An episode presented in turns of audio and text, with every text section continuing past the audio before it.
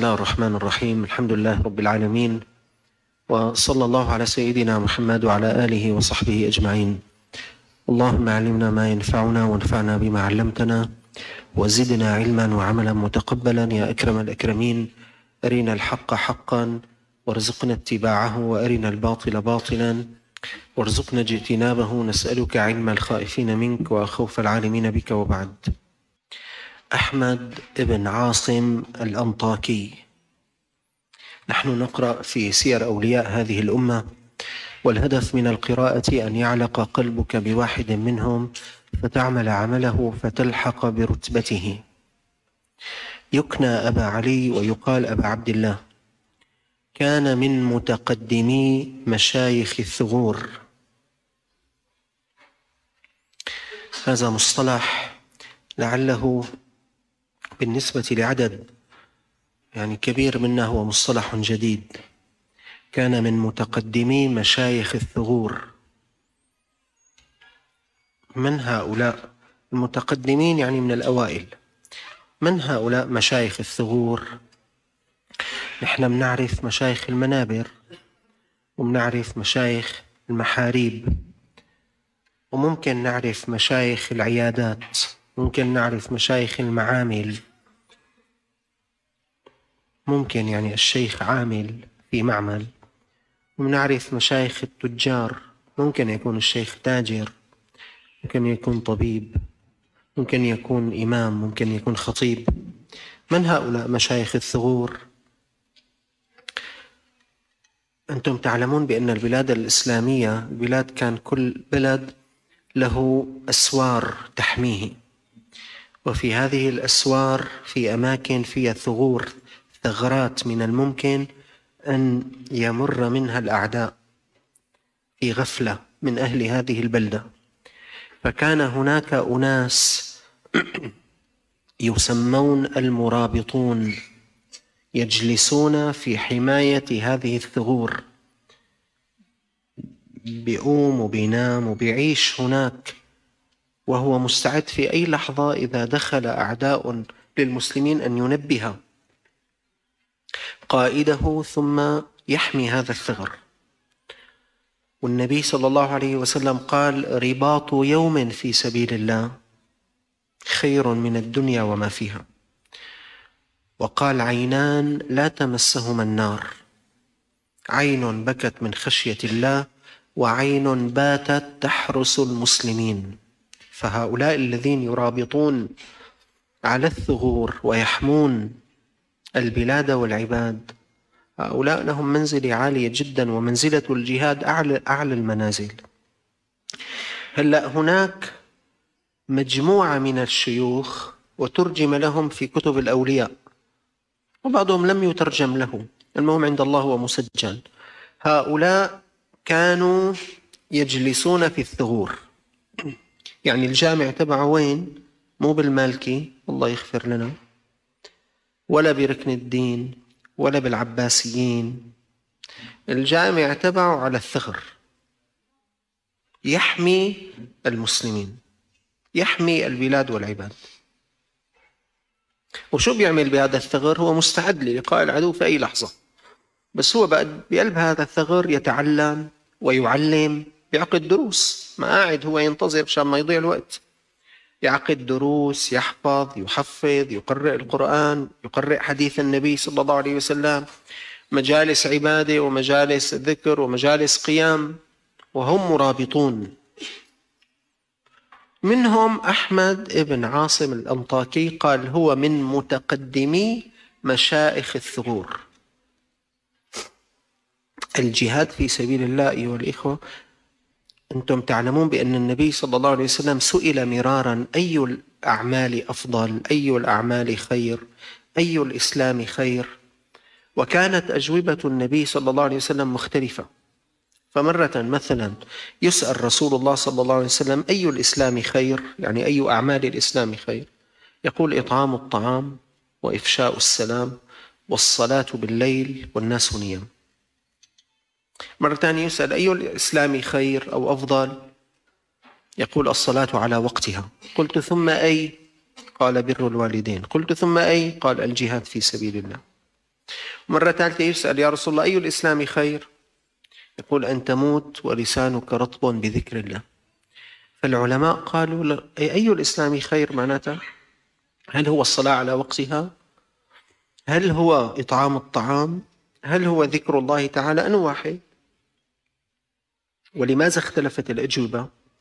قالوا اختلاف الأجوبة مراعاة لحال السائل. فإذا السائل ثري وغني والناس في بلاء وفي شدة وفي أزمة فأفضل الإسلام بالنسبة له إطعام الطعام. أما مو يعود يذكر الله. أما إذا واحد فقير لا يملك عاجز لا يتحرك أفضل الإسلام له. أن تموت ولسانك رطب بذكر الله تعالى. فالعلماء قالوا لماذا اختلف الجواب؟ قال لاختلاف حال السائل.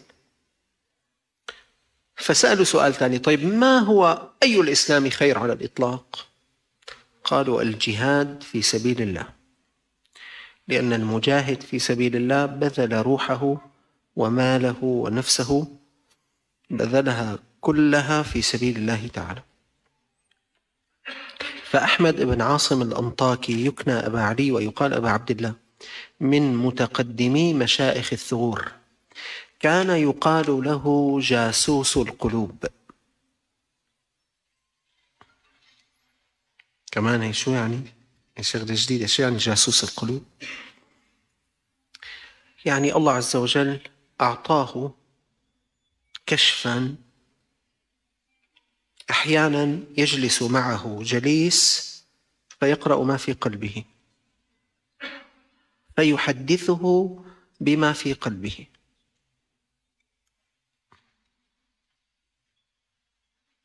فدير بالك أنت دائما راعي قلبك أن يكون ما فيه صحيح. من رحمة الله عز وجل أن الله ساتر ما في قلوبنا. بس دير بالك يكون في شيء خطأ وأنت تصر عليه. بعدين الله يطلع عليه كمان آخرين يفضحوا العبد بسوء طويته. طبعا هذا الكلام ما كان كرامة لولي كان معجزة لنبي.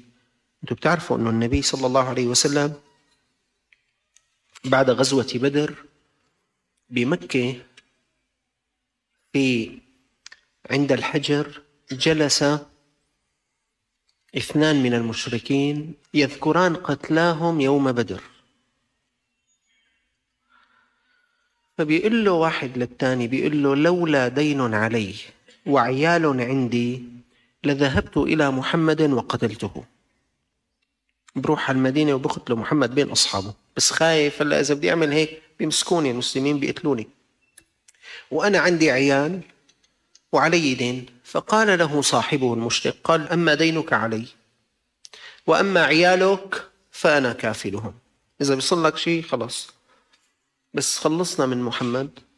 قال طيب اكتم عني ما تجيب سيرة لحدا. وراح سمى سيفه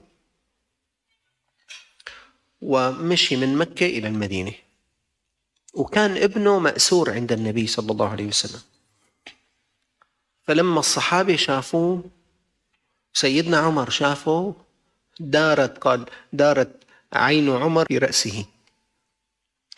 قال احذروا هذا الكلب على رسول الله صلى الله عليه وسلم. أجلكم الله. وإجا سيدنا عمر خف على النبي صلى الله عليه وسلم.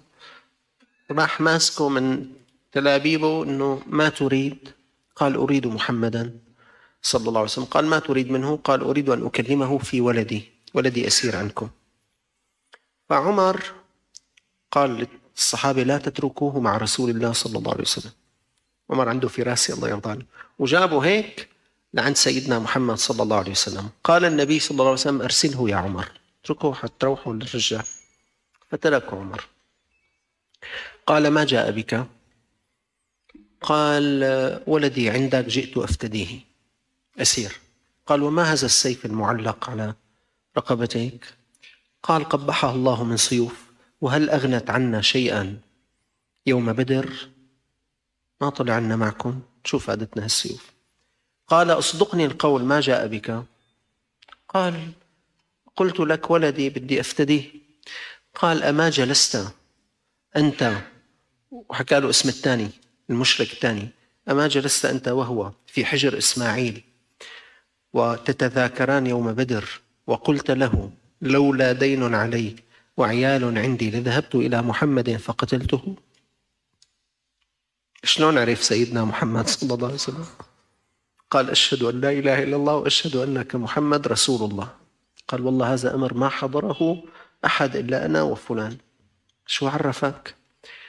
النبي صلى الله عليه وسلم أعطاه الله عز وجل كان يحدث المرء بما في قلبه. فقالوا عن أحمد بن عاصم الأنطاكي كان يقال له جاسوس القلوب.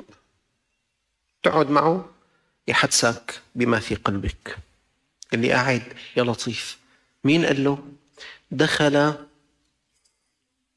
رجل إلى سيدنا عثمان بن عفان وكان خارج المجلس قد نظر إلى الحرم.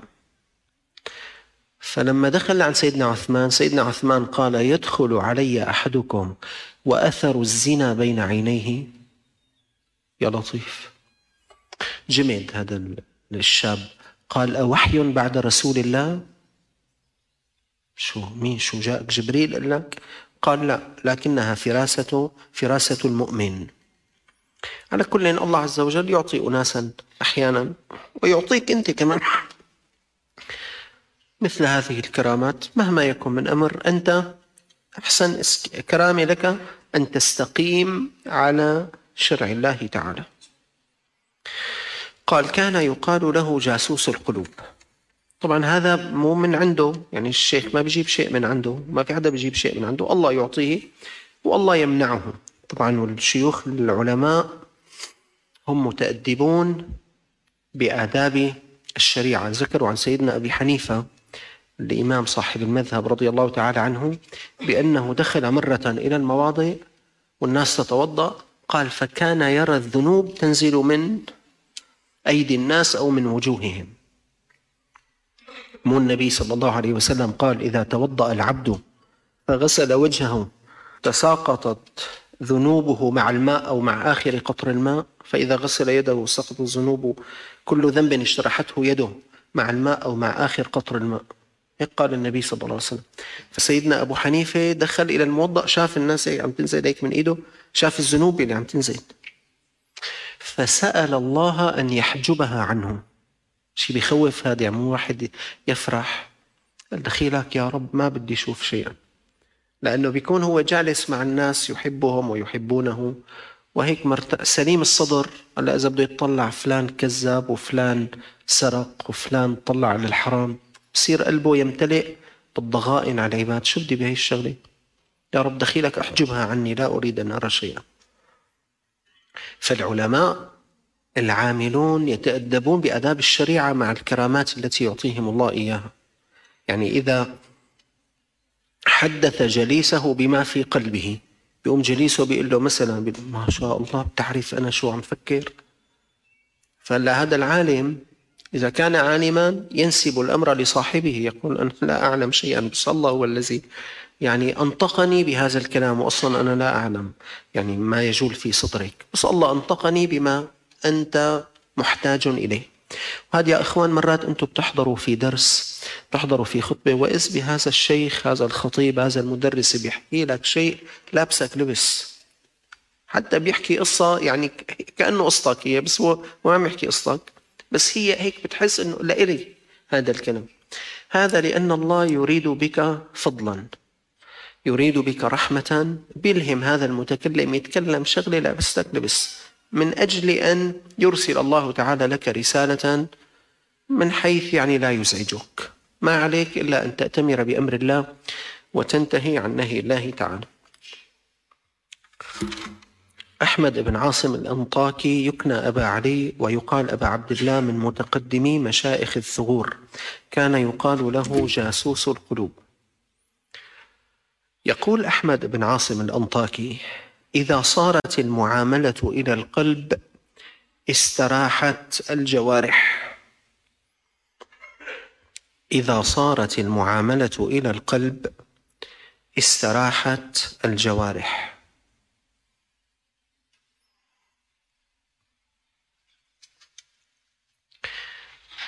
هلا أنتم يا اخوان تعرفون بانه كل صنعة كل مهنة في إلها نفس أو سر. سر غير الكلام الذي تعرفه يعني سر الخلطات. هلا نحن مثلا العامة بيقولوا والله يا أخي والدة فلان ما شاء الله نفسها بالطبخ فعلا طيب. مطعم الفلاني يا أخي ما شاء الله يعني الطباخ تبعه نفسه فعلا طيب. حتى إذا غير الطباخ وأنت رحت اشتريت من عنده نفس المادة بتقول أنت بتقول له شو مغير الطباخ؟ مع إنه هو جايب نفس السمنات ونفس الرزات ونفس الملحات ونفس الغازات. بس هكذا يقول الناس في نفس. هلأ الصائغ الذهب المجوهراتي تعطيه انت خاتم هيك. تقول له أنا هذا لقيته. شوف لي يا يا أخ ذهب هاد. بيطلع هو هيك فيك تطليعه بيقول لك لا مو ذهب. بتقول له افحص لي يا طيب حفظ بيقول له عم بقول لك مو ذهب. هلا أنت بتقول له افحصه طيب يا أخي. بيقول لك طيب. بيفحصه يجري الأعمال ال يعني المدرسية في فحص الذهب بيطلع مو ذهب. أنت بتقول له شو عرفك؟ هي كلمة شو عرفك؟ ثمنها 30 40 سنة ممارسة العمل بقواعده. بصير في عنده نفس هذه المسألة. هلأ أستاذ المدرسة القدير من أول السنة من أول جمعتين بيقول لك هذا الطالب حيطلع الأولي بكرة وفلان الفلاني حيرسب بتقول له شو عرفك؟